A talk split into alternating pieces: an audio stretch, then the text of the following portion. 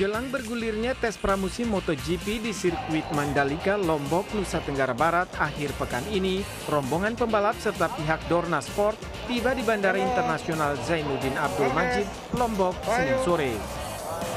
Kedatangan mereka terbagi menjadi dua gelombang.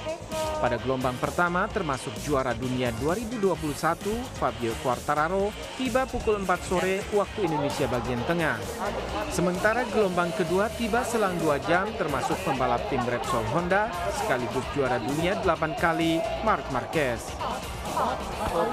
So very happy to be here in Lombok and Indonesia and, uh, and yeah, uh, we Triple we bubble. are uh, looking forward to try the new circuit and, uh, and of course come back uh, in one month and a half, two months to enjoy with all the fun.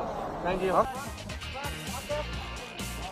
Rombongan MotoGP itu kemudian menuju hotel untuk menjalani karantina selama 24 jam sebelum beraktivitas di sirkuit. Tes pramusim di sirkuit Mandalika sendiri akan digelar pada 11 sampai 13 Februari mendatang.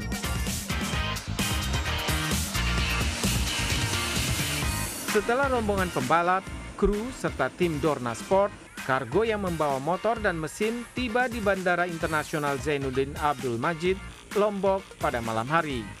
Seperti rombongan pembalap, kargo yang membawa motor serta mesin juga terbagi menjadi dua gelombang. Proses bongkar muat pun berlangsung hingga tengah malam waktu Indonesia bagian tengah.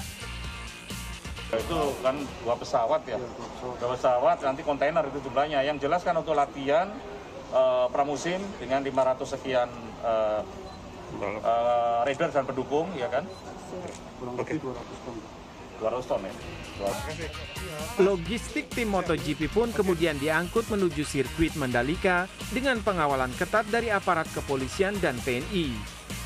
Penjagaan ketat dilakukan untuk menghindari terulangnya kasus unboxing logistik pembalap di sirkuit Mandalika. Lalu Rahmat Juniadi, Lombok, NTB.